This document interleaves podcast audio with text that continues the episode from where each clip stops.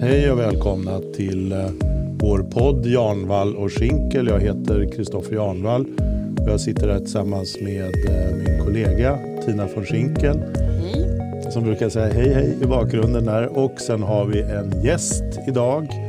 Igen höll jag på att säga. Det är eh, tätt på given nu. Det är Eh, tätt sär- mellan inspelningarna.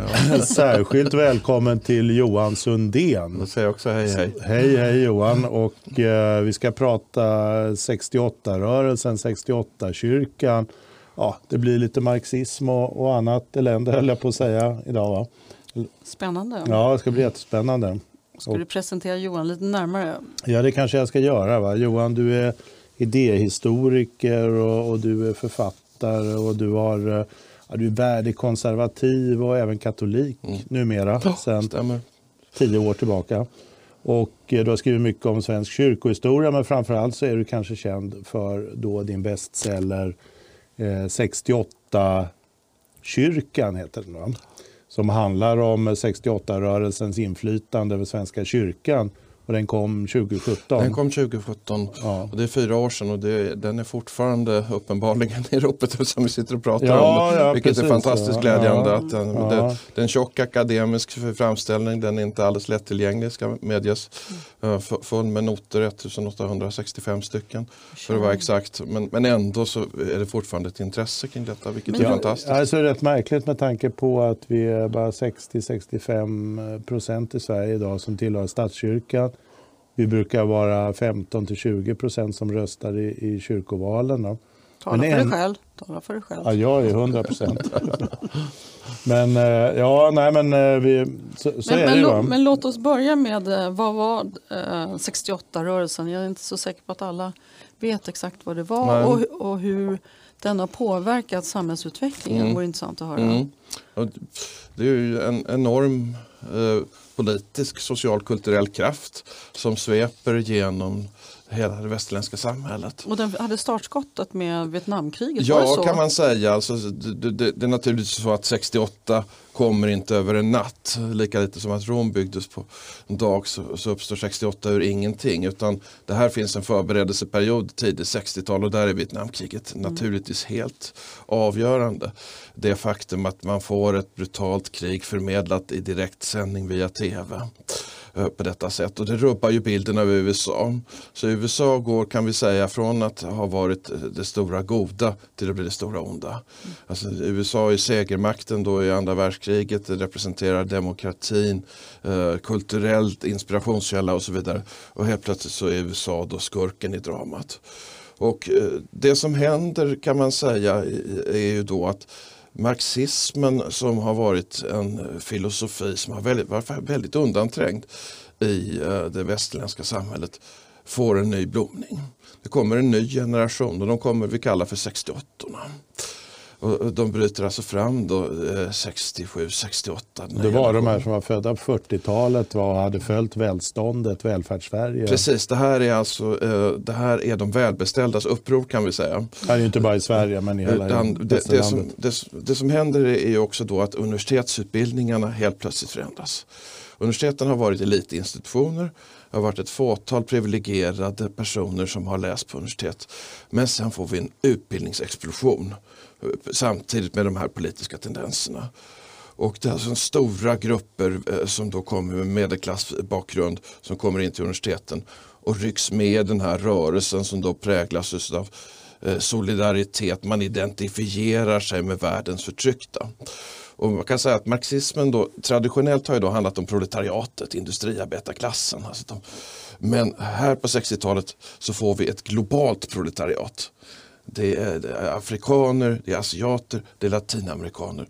Jordens fördömda som nu hamnar i centrum för hela den politiska debatten. Men vad ville de uppnå? Vad var deras huvudsyfte? Ja, nej, det- 65 är också ett bytningsår för då, då kommer något som heter den nya vänstern. Och det här finns i hela Europa. Nouvelle Gauche man i Frankrike. eh, eh, new, right, eh, new Left naturligtvis menar jag. Förlåt. Ja, det vore något. Ja, det vore någonting där. Ja, I alla fall, det, det här är ett fenomen. I Sverige kommer man 65, eh, en ny vänster. Och de säger då, vi är inte socialdemokrater. För Socialdemokraterna de är korrumperade av kapitalismen. Ansåg de. Ansåg de, ja. De har alltså blivit förborgerligade kan vi säga. Men vi är heller inte kommunister. Vi är inte som de i Sovjet. Utan vi tar avstånd från, super, från byråkratin, femårsplaner, allt det där som vi förknippar, eh, hela Kremlgardet och så vidare. Vi är inte som dem. Utan vi är någonting annat, vi är den nya vänstern. Och sen så radikaliseras den här vänstern, inte minst under intrycket av Vietnamkriget. Och kommer kring 68 då att och, och anta delvis en, en leninistisk form. Alltså man, man börjar återigen bejaka det här med tanken på eh, proletariatets diktatur och den typen av eh, stämningar. Så att fast man då hade sagt från bara några år tidigare att vi är inte kommunister så utvecklas man då till renlärliga marxistiska sekter. Och de här konkurrerar med varandra. Vi har ett begrepp som ni säkert har hört många gånger som heter bokstavsvänstern. Mm. Och därför att det, det fanns till exempel något som heter Kommunistiska förbundet Marxist-Leninisterna. FML var förkortningen. Och sen så blev det en utbrytare eh, falang där så småningom som var ännu mer radikala som då hette Kommunistiska förbundet Marxist-Leninisterna Revolutionärerna. Oj, långa namn. Och så de, här, de här stred ju då, vem var, ungefär som eh, striden om påvens skägg. Va? Vem var mest renlärlig?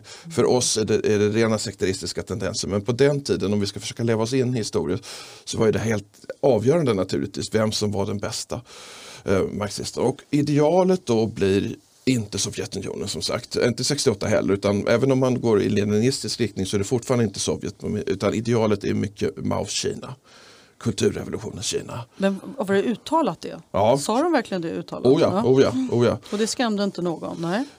Ja, det skrämde nog ganska många. Därför att det finns en, en, en slags talesätt som man möter ofta. Eh, speciellt om man då möter någon som tillhör den här generationen så säger man 68 var alla kommunister. Mm. Så var det ju inte alls. Utan jag menar, vi hade 1973 får vi en jämviktsriksdag, det vill säga lika många borgerliga som socialister 73. Och det här är när Sverige är som rödast.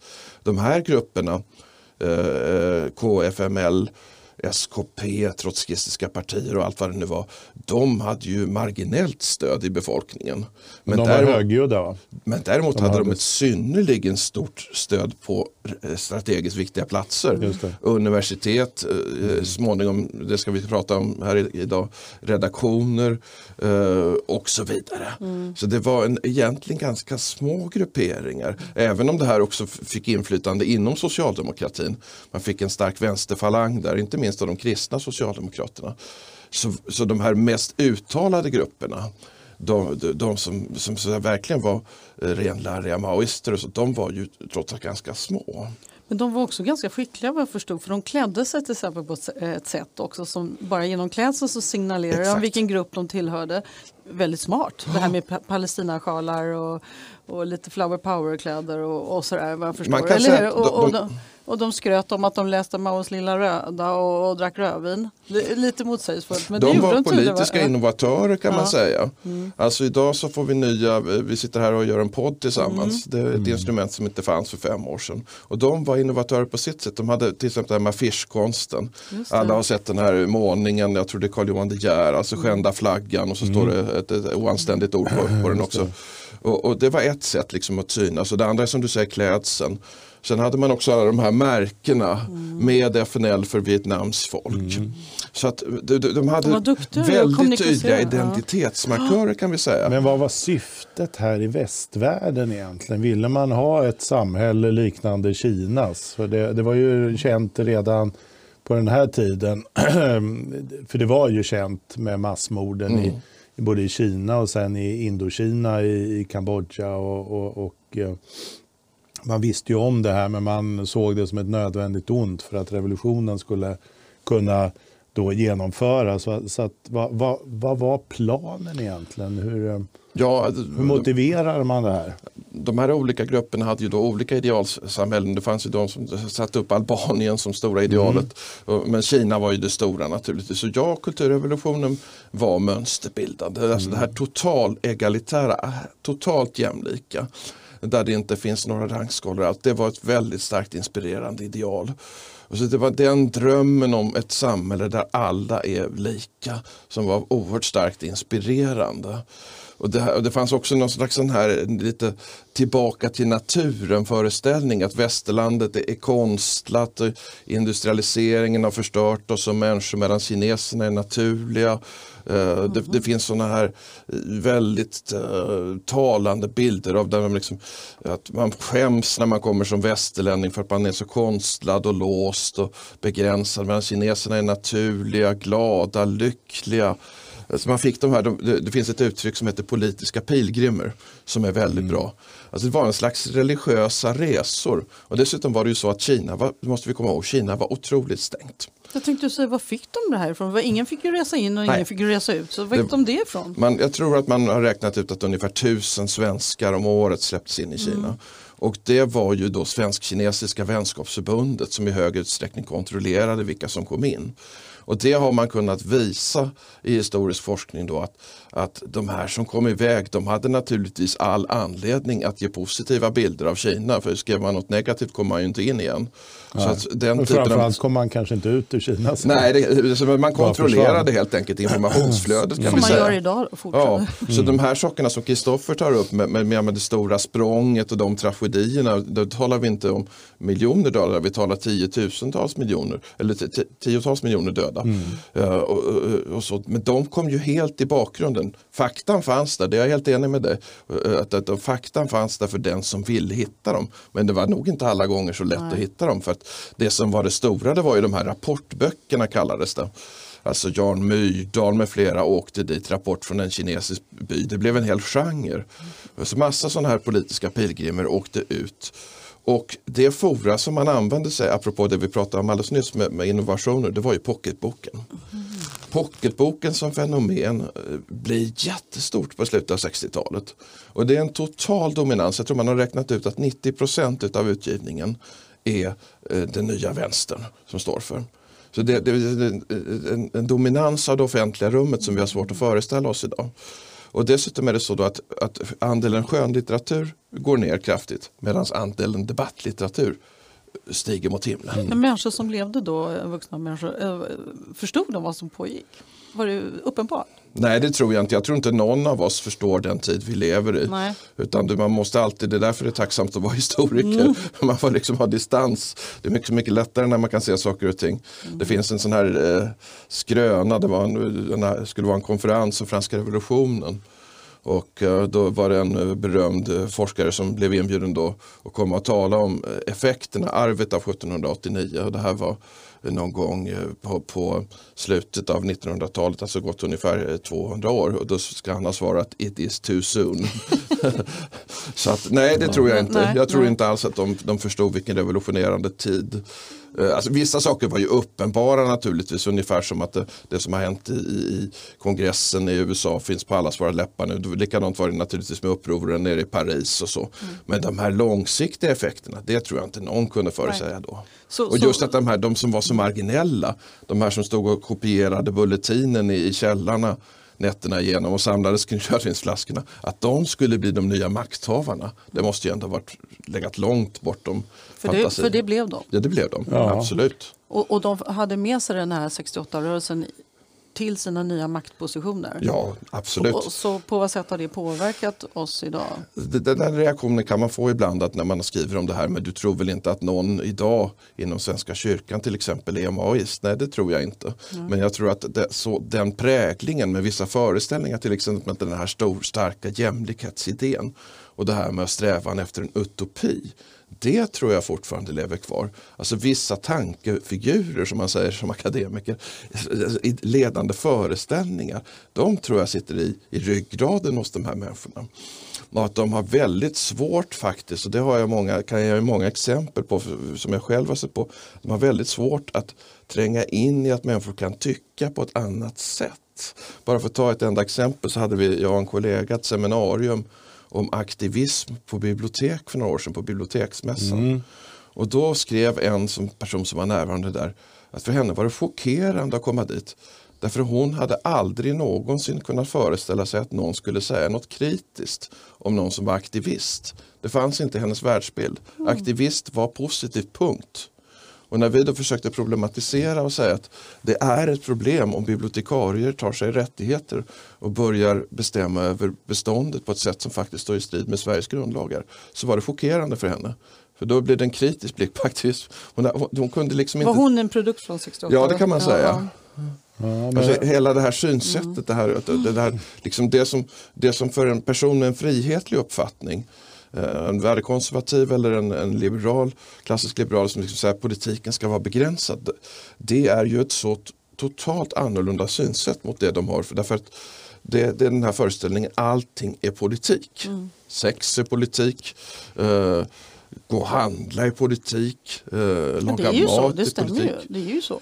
Så att- eh, definitivt är det ju så idag. Ja, det har blivit Ja, det. ja, ja. Men det, det borde inte vara så, nej, eller hur? Nej, nej verkligen Nej. inte. Och, Vi, vi, kan, vi ska kunna gå och handla mangofrukter bara därför att vi vill göra en god sallad. Ja. Inte för att vi ska utan, göra, utan, utan att eh, frukterna ska vara genuscertifierade. Ja, eller vi ska liksom inte behöva stå där och tänka sig nu ska jag göra politiskt val och ta bananerna eller mangofrukterna om man spetsar vem till det styr vad lite. liksom? Nej. Nej, men jag tog det här exemplet när vi Mm. pratade tidigare, Kristoffer och jag, det här att Vietnambulletinen, en av de här ledande tidskrifterna då på den tiden, där, där, där har en historiker som heter Kim Salomos skrivit då att de, de kunde inte ens publicera ett recept om nudlar utan att det skulle vara politik i receptet. Nej. Så, så att liksom, Det är, så, så är det fortfarande. man kan tänka så här, liksom, punkt tre, va? Mm. koka vatten, punkt fyra, läs tre verser i Maus lilla röda, punkt fem, Medan häll i salt.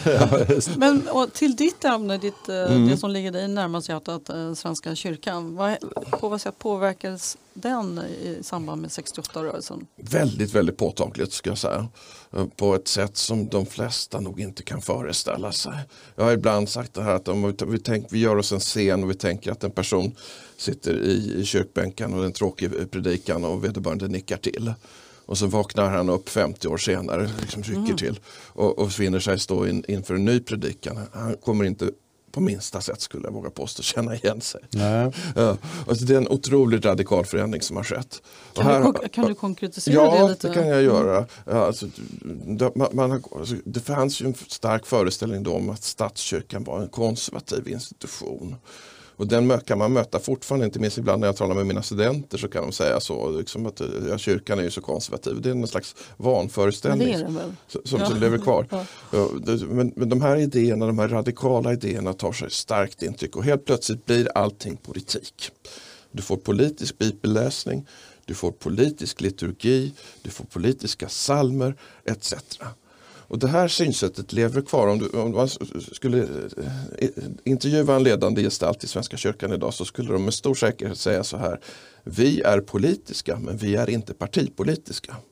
För, för tro och politik hänger samman. Och här, Alltså, är ledande gestalt, är det en, En en biskop. prästvigd? Eller? Ja, en, Ja, bi- en biskop, eller en ja. domprost eller någon Ja. som sitter centralt placerad. Så att det, det, det, här sker ett... Det tycker jag är ganska radikalt att säga. För pratar man om muslimer och kopplar det med, med politik då pratar man helt plötsligt om islamism. Mm. Eller hur? Så att det där är ganska radikalt att säga det. Men alla vi andra då, vi som var vanliga kyrkobesökare, vanliga medlemmar i Svenska kyrkan, Mm. var, var det ingen som reagerade på det här? Alltså, vi var för upptagna Mm. med att tjäna pengar och snyta ungar som skulle Mm. på väg till dagis eller? Jättebra fråga. Alltså det där, när jag höll, höll på med den här boken och det är alltså fyra års forskning. Så eh, någonstans under resans gång så tänker jag att jag måste ju skildra kritikerna också. De som reagerade. För det är ju också en del av, när, om vi ska skildra franska revolutionens historia så måste vi naturligtvis lyfta fram revolutionsmotståndarna och likadant här då. Men jag hittade, Jag så, du hittade så lite material. Och då är jag, jag är sån här materialmissbrukare.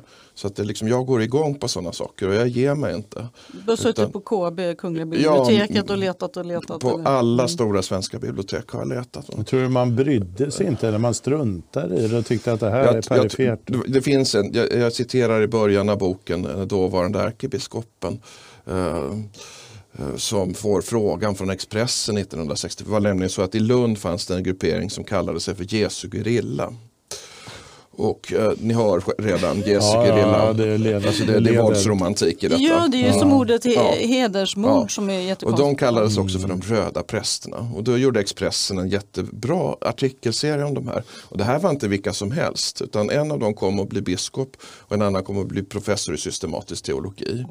Och då fick dåvarande ärkebiskopen Ragnar Jakobsson frågan hur ser du på de här? Och då sa han, ja ja, det är unga radikala människor. Det går nog över så småningom. Mm. Och det får man ju säga var en av historiens största felbedömningar. Mm. För det här kommer att leva kvar, men inte i den här naiva bilden som en del av mina kritiker då har hävdat att jag skulle säga att de liksom fortfarande går omkring med Maos lilla röda. Det är inte alls det som är poängen. Poängen är att det är vissa värderingar, synsätt av fundamental betydelse som lever kvar. Och inte minst det här som, som du antyder med, med förhållande till islam blir aktuellt. Då. Därför varför är politisk islam attraktivt för den här grupperingen människor som står väldigt långt till vänster. Det är svårt att förstå, eller hur? Mm, jag får inte att, ihop det heller. Nej, det, liksom det fundamentalistiska ortodoxa islam, hur kan det attrahera personer mm. som i sin egen kyrka inte kan acceptera att någon säger att kvinnor inte får vara präster? Mm. Hur kan det gå ihop? Jo, det har att göra med detta med politik. Därför både den kristna vänstern och radikal islam säger att politik och religion hör ihop. Alltså de, man tvinar ihop det så man förstår varandra på det här grundläggande planet. Plus att det också handlar om att man, man säga, har en grundläggande antipati mot hela det västerländska samhället. Det är väldigt påtagligt i islam, eller hur? Mm. Uh, och det finns också hos den här kristna vänstern. Ett, det finns ett självförakt. Alltså, jag skäms, jag nämnde det tidigare, det här, jag skäms för att vara kristen och komma till Kina. Jag skäms för att jag är vit, jag skäms för att jag är man. Jag har en skuld, jag har skam. Men det har man känt, visst är det så. Jag håller med dig. Men då är det någonting annat att tala emot, det är att Svenska kyrkan, är det någon som var aktiv i den här flyktingvågen och, och agera för att så många som möjligt skulle komma till Sverige så har det varit Svenska kyrkan. Ja. Men vad ska de hit och göra om man tycker det är fult att vara här? Är inte det ett straff för de här stackars flyktingarna i så fall? Och, komma till Sverige? Det blir motsägelsefullt. Ja, det blir motsägelsefullt. De kan det, inte bestämma sig. Ja, nej, men jag, jag håller med dig, det är väldigt motsägelsefullt. Ja, men socialförsäkringssystemet är ju bra. Det kan uh, ju, kan ju ursäkta ganska mycket av skam och sådär. nej, men, men det, ligger, det ligger någonting i det här. Alltså, uh, jag får inte ihop det. Det är svårt att få ihop för å ena sidan det här samhället då, som, och det är ju likadant de här, vi har ju idag en, en rad opinionsbildare som liksom utgår från det här med hudfärg väldigt mycket. Mm. Och säger, det var en artikel i Expressen vill jag minnas för några månader sedan att Sverige är liksom det sämsta landet för, i, för världen. Varför bor man då här? Det, det, det är lite svårt att få ihop. Uh, och det, det är liksom, här finns det här hatet mot västerlandet. Samtidigt så kan man då säga att det enda samhälle egentligen som skulle möjliggöra en sån radikal rörelse som de här maoistiska grupperingarna. Så det är det västerländska. Det har ju att göra med friheten, med yttrandefrihet, mm. med to toleransen, demokratin. Så hade det inte varit för det här avskyvärda västerländska samhället så hade de aldrig kunnat uppstå som politisk Nej. rörelse. Nej, och framförallt så har de ju liksom dels, dels socialförsäkringssystemet som är min vanliga käpphäst. dels så, så, är ju många av de här idag är ju offentliga anställda. Det är vi, vi privat, privata aktörer som betalar deras löner. Så det är klart att de har ju, en, de har ju ett fundament att stå på, nämligen det är vi som är det arbetande proletariatet idag som håller det här intellektuella, eller vad man ska kalla dem, frälset under armarna. Ja, det, det, det intressanta där... Och vi är dumma nog att göra det. Nej, men det intressanta här är ju då att man omdefinierar sig själva. Därför att om vi tittar då till exempel, jag och en kollega har gjort, tittar på, på på bibliotekshistoria, då, modern bibliotekshistoria, då ser man då alltså att radikala progressiva bibliotekarier, de börjar kalla sig biblioteksarbetare. De är arbetare. Mm. De är alltså inte välbeställda tjänstemän i medelklassen utan mm. de är arbetare.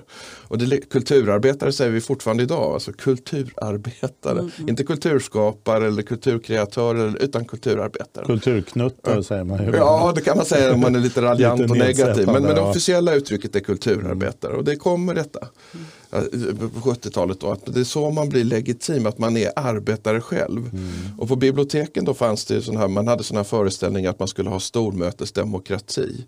Att hela, hela, liksom alla som jobbade, från bibliotekschefen till vaktmästarna, skulle då samlas och rösta till exempel. Så det är den här, så på så sätt, apropå det här du sa tidigare, men ville man verkligen importera, det är klart man insåg att vi kan inte bli som Kina. Men vissa föreställningar, det här till med det här radikal egalitära och inga som helst hierarkier på arbetsplatsen. Ja, det hämtade man faktiskt direkt in och mm. skulle försökte mm. tillämpa i Sverige. Och det funkar inte? Nej, det blev ju inte beständigt. Nej, det blev det inte. Nej, Men du berättar mer om Svenska kyrkan mm. och hur det har påverkats av 68-rörelsen. Eh, det är kyrkval snart, mm. eh, eller ja, 2021. Mm. Och då är det politiska partier mm. som ställer upp bara. Det jag tycker känns märkligt. Det är ja. ingen som förstår den eh, Nej. logiken. Eh, har det någonting med 68-kyrkan att göra? Både och kan man säga. Alltså det, det, det, finns ju en längre historia av partipolitisering av Svenska kyrkan. Det går tillbaka ända till 30-talet. Då man inom socialdemokratin byter linje kan man säga. Att man tidigare så har man då ganska hög utsträckning varit inne att man skulle bekämpa kristenheten och kyrkan. Istället så kommer man på, men låt oss ta över den. Låt oss göra det till det allmänna salighetsverket, sa man. Mm. Att, att, att man, det skulle bli en, en, en, kraft i partiets och rörelsens tjänst. Så att det partipolitiska finns länge, men det är klart att det har hämtat legitimitet ur den här föreställningen om att kyrka och politik hör ihop. Därför, för mig som katolik så är det ju en styckelse, jag skulle säga att det är eh, eh, hädelse att eh, en kyrka styrs politiskt. En kyrka kan bara styras av Gud och utav det, så som, som kyrkan på jorden, eh, alltså Gud, den instans Gud har utsett eh, som sin representant på jorden, kyrkan. Det är den som måste bestämma vad som är kyrkans lärare. Här går politiker in och fattar beslut i trosfrågor. Men Svenska kyrkan säger inte det som du säger nu. De hävdar inte det. De ser det här på ett annat sätt naturligtvis. För I deras perspektiv så handlar det här ju om demokrati. De säger vi är en demokratisk kyrka. Mm. Men, men det, det, här är ju, har vi olika syn på demokrati. Då. Det finns de som menar att det är maximal demokrati i samhället om allting fattas med majoritetsbeslut. Men vad, då har vi ingen fri företagsamhet till exempel. Mm. Därför företag är inte demokrati. Där har vi en annan princip. Mm. Och kyrkan är inte heller demokrati mm. i den meningen. För mig så katolik, auktoriteten på jorden det är, på, det är påven och, eh, och kardinalerna runt om honom. Sen kommer hierarkin med biskopar och präster och diakoner ner och så vidare. Men du, på vilken sätt har Svenska kyrkan fungerat som en aktör i samhällsutvecklingen tycker du? Har det varit en stor eh, aktör? Har på, har stark? Mycket underskattad skulle jag säga. Du nämner själv ett mm. exempel här med flyktingmottagandet. Det har det gjort studier av. Mm. Både i Sverige och i Norge har man visat att svenska respektive norska kyrkan har varit mycket viktiga opinionsbildare kring migrationspolitiken. Det är ett exempel. Ett annat är väldigt viktigt viktigt exempel. Uh, alltså, va, hur, hur, tog detta sig konkret uttryck, frågar du innan. Mm. Vi kan ta Mellanöstern-debatten. Före 1967, uh, då vi har sexdagarskriget, så är det en kompakt pro-israelisk opinion i Sverige. Generellt sett. Och inte minst inom kyrkan. Alltså man ser Israel som Guds utvalda land. Och det finns en väldig solidaritet med den här staten. 67 så börjar det etableras en helt ny syn på Israel. Och det är broderskapsrörelsen inom kristenheten som går i spetsen. Och vi har det här berömda, eh, det ökända uttalandet av Karl-Henrik Grenholm som var professor i etik som säger att palestinierna vill utplåna Israel, vill krossa Israel. Och det är en sak som vi ska ställa oss solidarisk med. Men var kom den ifrån? Ja, det, det var bland 70-talet Detta är ju hur den här vänsteragendan mm. kommer in i kyrkan. Ett väldigt tydligt exempel. Men vad fick de med sig den här Palestina, pro-Palestina-idén? Ja, det, det har att göra med det här med det globala pro proletariatet. Mm. Alltså de som man solidariserade sig med, det var som sagt afrikaner, asiater, latinamerikaner. Men sen blev palestinierna, de blev också en, en representant för proletariatet. Och Israel blev då associerat med USA, stora världsskurken. Och det intressanta här är att det här synsättet lever kvar än idag där man då har liksom föreställningar där man tar, man tar para direkta citat ur eh, Bibeln och applicerar det på palestinernas situation. Så att den här, det här ser man, liksom, det, här, det är ett av de allra tydligaste exemplen i just Mellanösternpolitiken. Och eh, Israels ambassadör i Sverige han har ju sagt att det finns ingen organisation, ingen organisation i hela Europa som är så Israelfientlig som Svenska kyrkan. Oj. Det var ju mm. ingen nådig kritik. Nej, det är ingen nådigt omdöme. Om det är rätt eller fel, det får folk döma om. Men det, det, det, man bara, det, det, det är ett oerhört anmärkningsvärt mm. uttalande. Men vi har ju tappat det här. Alltså, vi är överens om att Svenska kyrkan är ju en, en viktig informationsplattform. En viktig plattform för att nå ut. Så mycket konstaterar vi. Och, den här har vi, vi har tappat det här utan att egentligen vara medvetna om det tror jag. Som du nämnde här tidigare i, i eh, i, under samtalet här så, så um, om man, man satte sig i en kyrkbänk i mitten på 60-talet och vaknar upp idag skulle man inte känna igen eh, de olika predikningarna som, som eh, tillämpas. Men vad, alltså vi konstaterar att det, eh, vi pratade om det här tidigare du och jag Johan, att, att man eh, Alltså 68-kyrkan har ju då jobbat långsiktigt och metodiskt för att eh, på många plan för att för, förvandla kyrkan inifrån.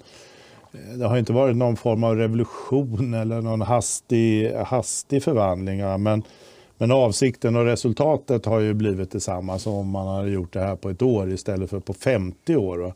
Måste då konservatismen och de klassiskt kristna som jag och många andra vill, vill företräda, måste vi gå samma väg? Liksom, ska det ta lika lång tid eller, eller ska vi lyfta på andra stenar? Såna som kanske har sådana stenar som kan ha respekt för kyrkans lära och liv? Eller ska vi, måste vi göra en spegel, Nej, jag tror spegelvänd det, det marxistisk revolution? Nej, jag tror inte det. Jag tror att det viktigaste man alltid kan göra som kristen det är att att liksom leva i, försöka leva i evangeliet och det är oerhört svårt. Mm. Uh, att, att, att, och liksom att man, man ber sina böner, man går i mässan, man lever ett kristet vardagsliv i, så hög utsträckning som man kan. Samtidigt ska man inte då retirera till någon slags uh, Uh, undantagstillstånd där man liksom säger att okej okay, vi samlas här, vi tio som, som verkligen fortfarande tror på det gamla sättet. Vi håller oss för oss själva. Utan jag tror man ska delta i samhällsdebatten. Mm. Diskutera på det sättet som vi mm. gör nu.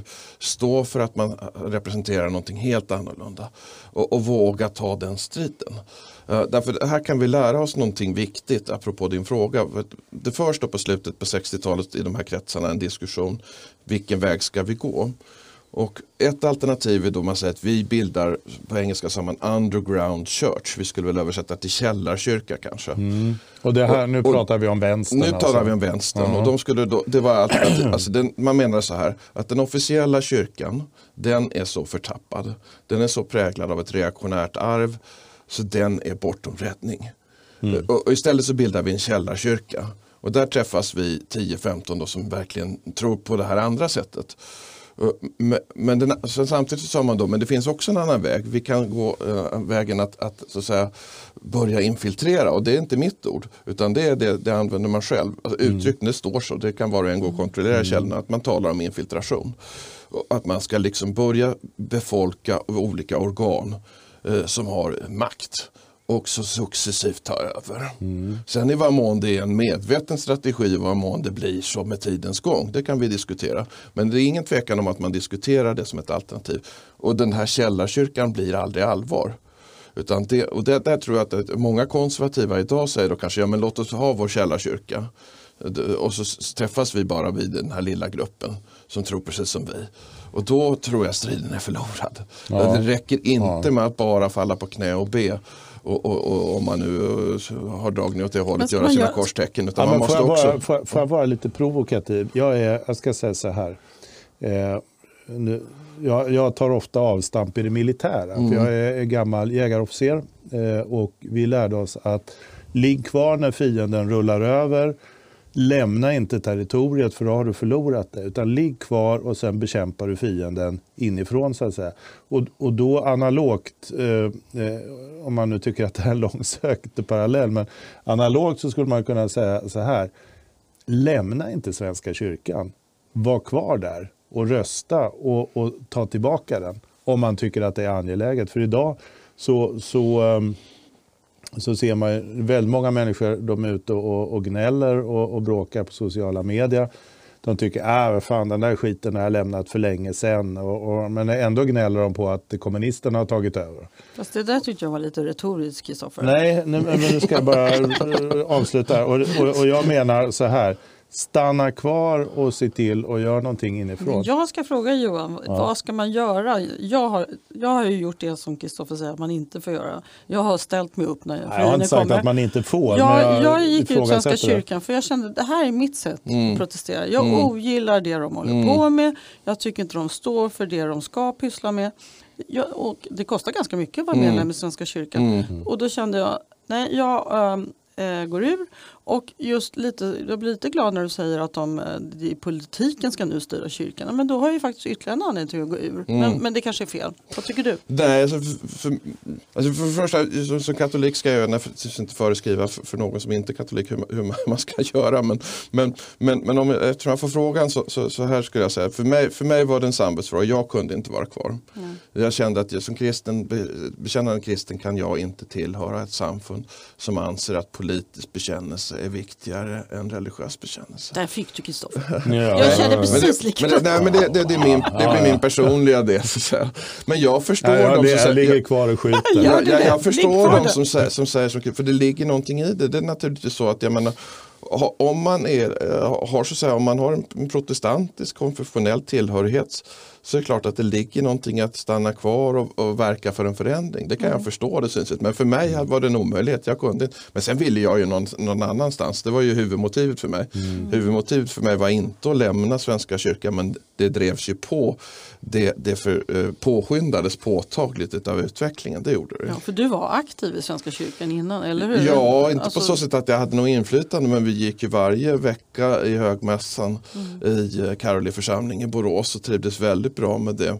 Men där såg vi på det lokala planet att den typen av gudstjänstliv som vi hade vant oss vid, eh, det, det blev omöjligt. Man flyttade helt enkelt på de prästerna mm. som vi hade förtroende för. Mm. Och då blev det just den här källar... Ja, ja. Under, jag var själv med en sån där, jag har varit med i en sån där underjordisk kyrka i, i några månader men jag kände det här, är inget, det här funkar inte för mig funkar det för några av mina vänner så då är de att gratulera. Men för mig funkar det inte. Jag måste tillhöra en stor vid troende gemenskap. Men det är bara att gå in på Svenska kyrkans hemsida och, och ögna igenom vilka ämnen de lyfter.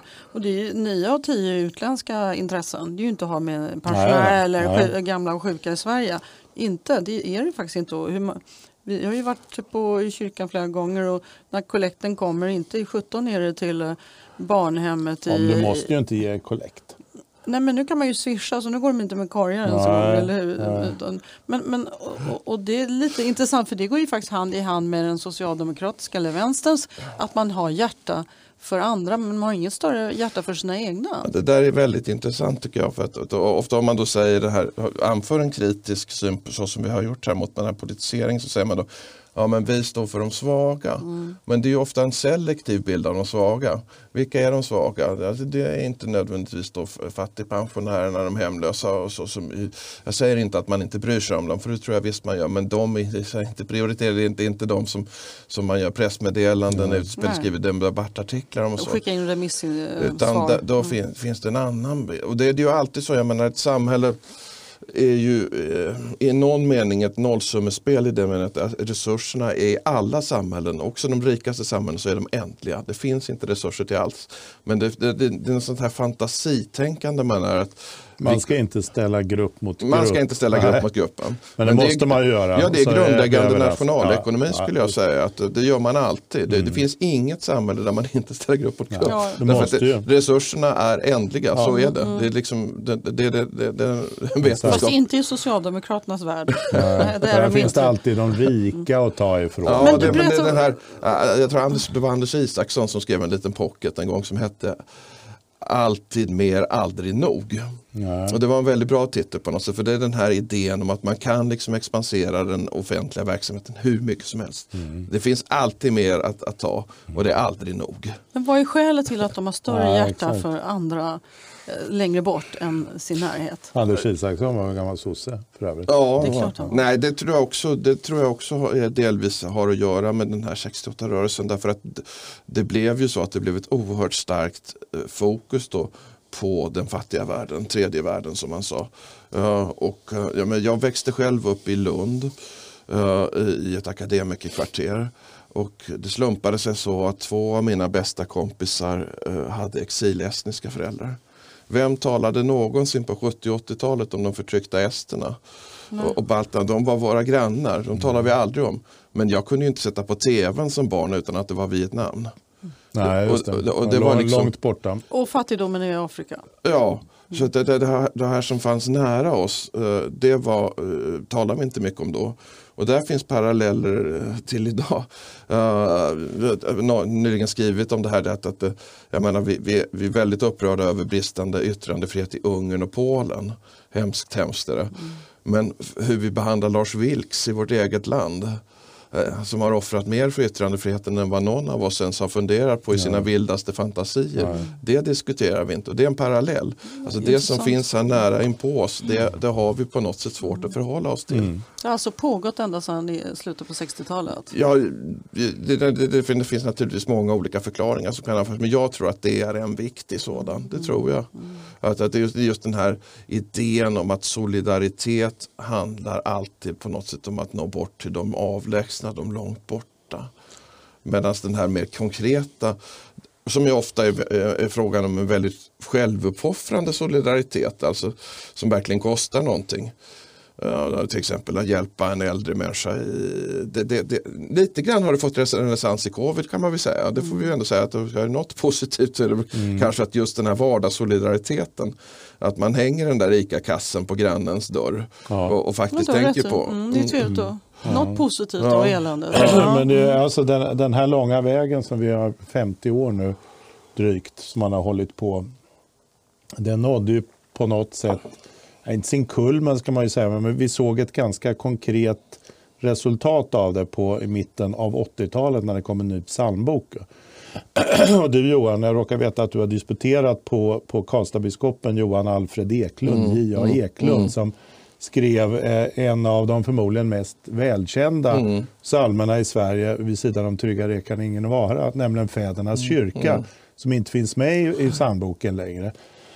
och den togs bort då 1986, därför att, eh, inte för att man ville skippa hela tror jag, utan för att eh, hans arvtagare inte ville tillåta att man, man rensade i den. Man ville ta bort vissa verser.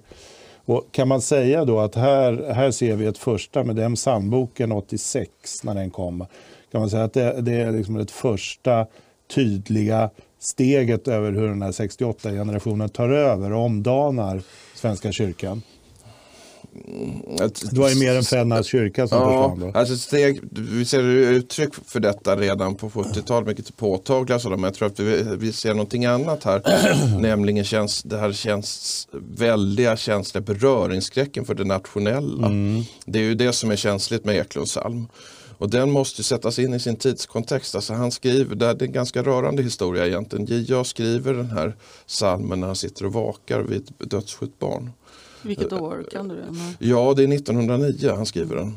Och um, då finns det ett fenomen som på många sätt och vis faktiskt påminner om, om 68-rörelsen inom kyrkan uh, på den tiden som hette ungkyrkorörelsen. Och det var studenter uh, som uh, menade att kyrkan hade trängts tillbaka i samhället och nu skulle man återvinna detta. Och de gav sig ut på landsbygden på något som hette korståg. Mm. Och vad gör J.A. Eklund då när han sitter med detta dödssjuka barn som, som uh, kommer att överleva? Men då skriver han Fädernas kyrka i Sveriges land. Uh, värnas bland samfund, vida omfamna från strand till strand. Och den är, är jättefin. Ja, den är verkligen älskad. Och det gjordes en, en, en, en mätning i, jag tror det var ICA-Kuriren Eh, på 1990-talet när den hade varit utrensad. Mm. Inte funnits i sandboken. Visst kom den tillbaka? Ja, den kom, den, nej, den nej, är borta. Den, är borta. Den, men den finns i den fin, finska evangeliska kyrkan. Men den sjungs ofta ändå. Ja. Man har den som ett tillägg. Men den, nej, den finns inte. Men, och det, det, det, det, är precis som du säger att det var släktingarna. Det som, men det, jag tror att det, mm. där, den här oerhörda beröringsskräcken för det nationella. Just det. Och jag var med om det där när jag, när jag började min forskning om Eklund. För att jag visste ju att Eklund då hade haft med Sigtuna stiftelsen att göra. Och uh, som forskare är man alltid på jakt efter pengar. och, uh, uh, så jag ringde ju dit och tänkte att här kan ju finnas några stipendier man kanske kan söka och få. Och så blir tillvaron lite lättare. Men då, jag, jag, blev nästan fientligt. J.A. Eklund vill inte höra talas om. Vi vill inte kännas vid. Det, det, det, det, har vi lämnat bakom oss. Det, men liksom, ja, det fanns ingen som helst historisering att inse att det här var en helt annan period i svenskt kyrkoliv. Mm. Och han var ett tidsuttryck. Det är därför han är så spännande för mig som idéhistoriker för att jag kan läsa av tiden genom honom. Precis som vi kan läsa av 68-rörelsen genom den tidens människor. Mm. Men det var liksom, man ville inte höra talas om detta. Så jag fick nästan inte komma, som att de inte ville att jag skulle komma dit. Och det här, för mig var det oerhört svårt, jag kunde bara inte förstå detta. Jag vill komma dit och skriva om en gestalt i den här stiftelsens historia som är jätteviktig. Och jag gör det med ett seriöst akademiskt motiv. Det är inte så att jag skulle sätta igång någon Gia Eklund revival-rörelse. Det var inte det som var mitt syfte. Och Så jag ville komma dit och forska.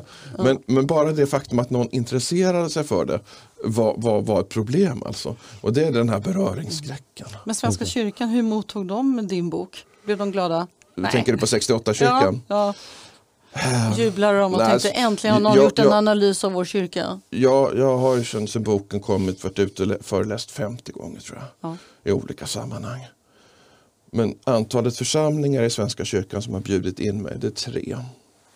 Det är en i Lund, det är en i Norrtälje och det är en i Sigtuna. Inte ens en gång i Västerås, Och- eller i Borås? Och en av de här tre bjöd in mig därför att jag i en intervju sa att jag bara blivit inbjuden till två.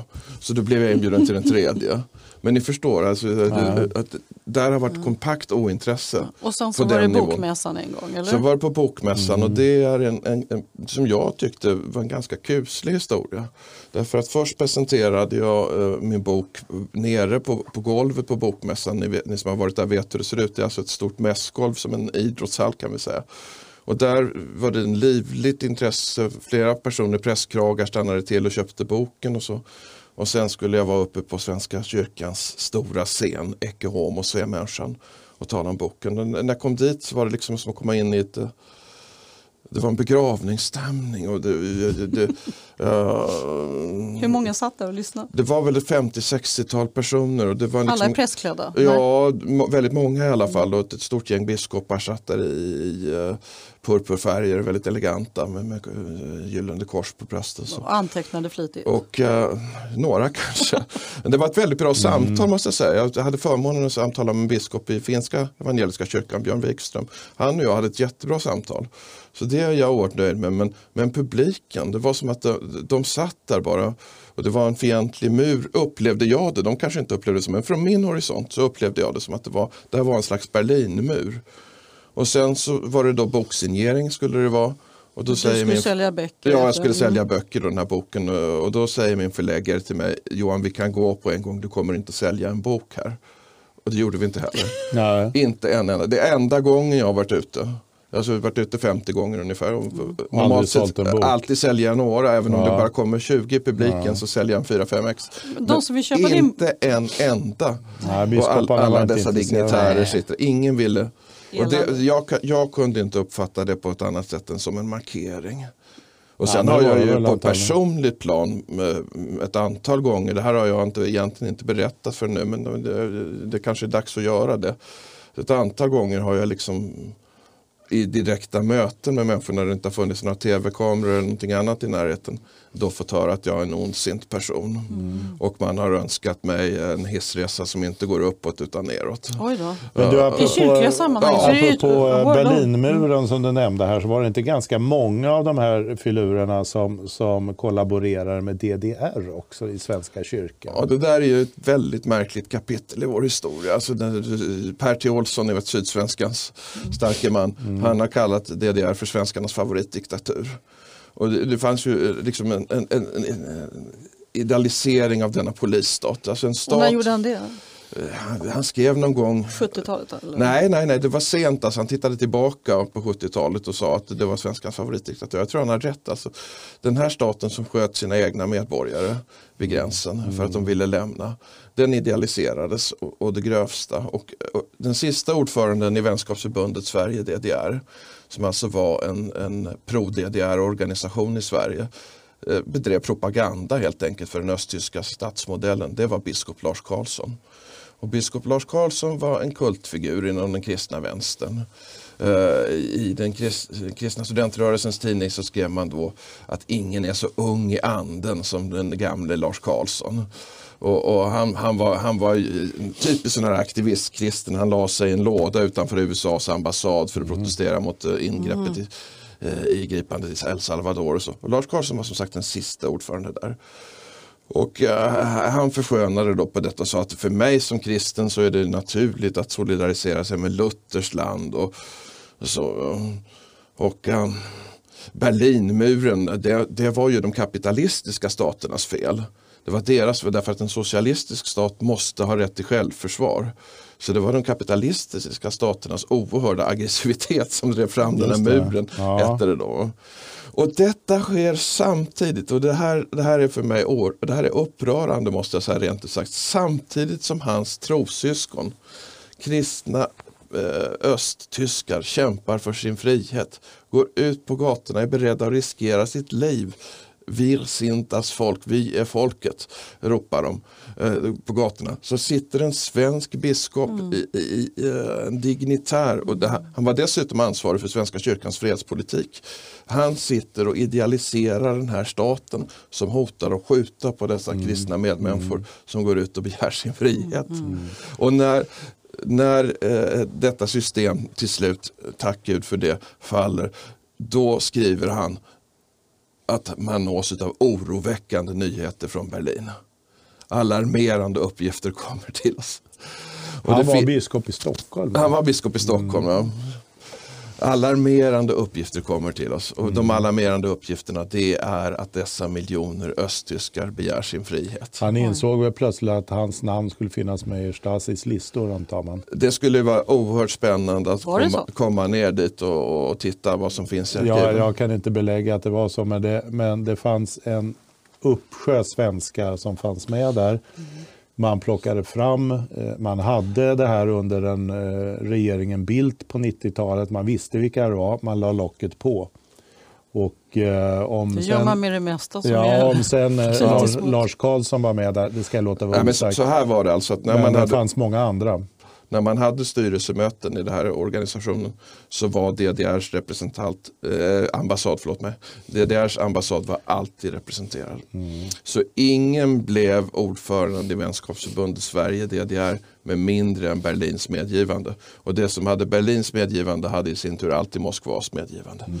De här organisationerna betraktades som mycket strategiskt viktiga därför att det pågick ett spel om Sverige kan man säga mellan eh, Västtyskland och Östtyskland, en kamp. Vilket Tyskland skulle vinna slaget om Sverige. Så mm. Sverige var strategiskt viktigt. Så man satsade på de här organisationerna. Vänskapsförbundet Sverige DDR hade aldrig mer än tusen medlemmar ungefär. 1500 tror jag som mest. Så på så sätt marginellt fenomen men samtidigt oerhört viktigt. Mm. Och, och, och, där, det, det, var naturligtvis ingen slump att man valde en biskop. Man ville att Svenska kyrkan skulle bli ett organ för DDR. Ja. Mm. Mm. Ja, väldigt ja. intressant att höra det här. ja, där man blir alldeles smålös. Ja, det blir man faktiskt. Jag tror vi får återkomma eh, till att vi måste nog börja runda Men det är ett imponerande arbete du har gjort, det verkligen. Mm. Jag förstår att du har eh, tappat lite fattningen ibland när du, det jag har ju, har hittat. Jag har ju själv blivit matt många gånger och mm, det ska det. jag villigt erkänna att det har inte varit lätt att skriva den här Nej. boken. Därför att när man, som bekännande kristen när man sitter och läser de här sakerna, till exempel att Mao Zedong då framställs som Guds utvalda mm. och liknas vid frälsaren, vid Jesus Kristus. Det är ju förfärligt. Vem skrev så? Ja, det finns ja. högt upp av biskop ja. i Svenska kyrkan mm. som skrev detta på 70-talet. det var inte Lars Karlsson? Nej, det var inte Lars Karlsson. det var en annan olycka. Mm. Nej, det är imponerande. Tack snälla för att du kom hit. Ja, tack för att jag fick komma. Väldigt roligt att samtala med er. Kanske du får, kan ha möjlighet att komma tillbaka när vi närmar oss det här konstiga kyrkovalet då, som Kristoffer ska hänga på låset. Ja, just det. Han ska stå främst i ledet ja, och, och rösta, rösta. Sin, med sin röda lilla lapp. Ja, Maus lilla röda. ja, jag ska rösta. Ja, ja, tack så mycket. Och, tack snälla för att jag fick komma. Tack Johan. Roligt att prata med er. Vi brukar avsluta med puss och kram. Vi ses på stan. Vad fint. Hej då säger vi.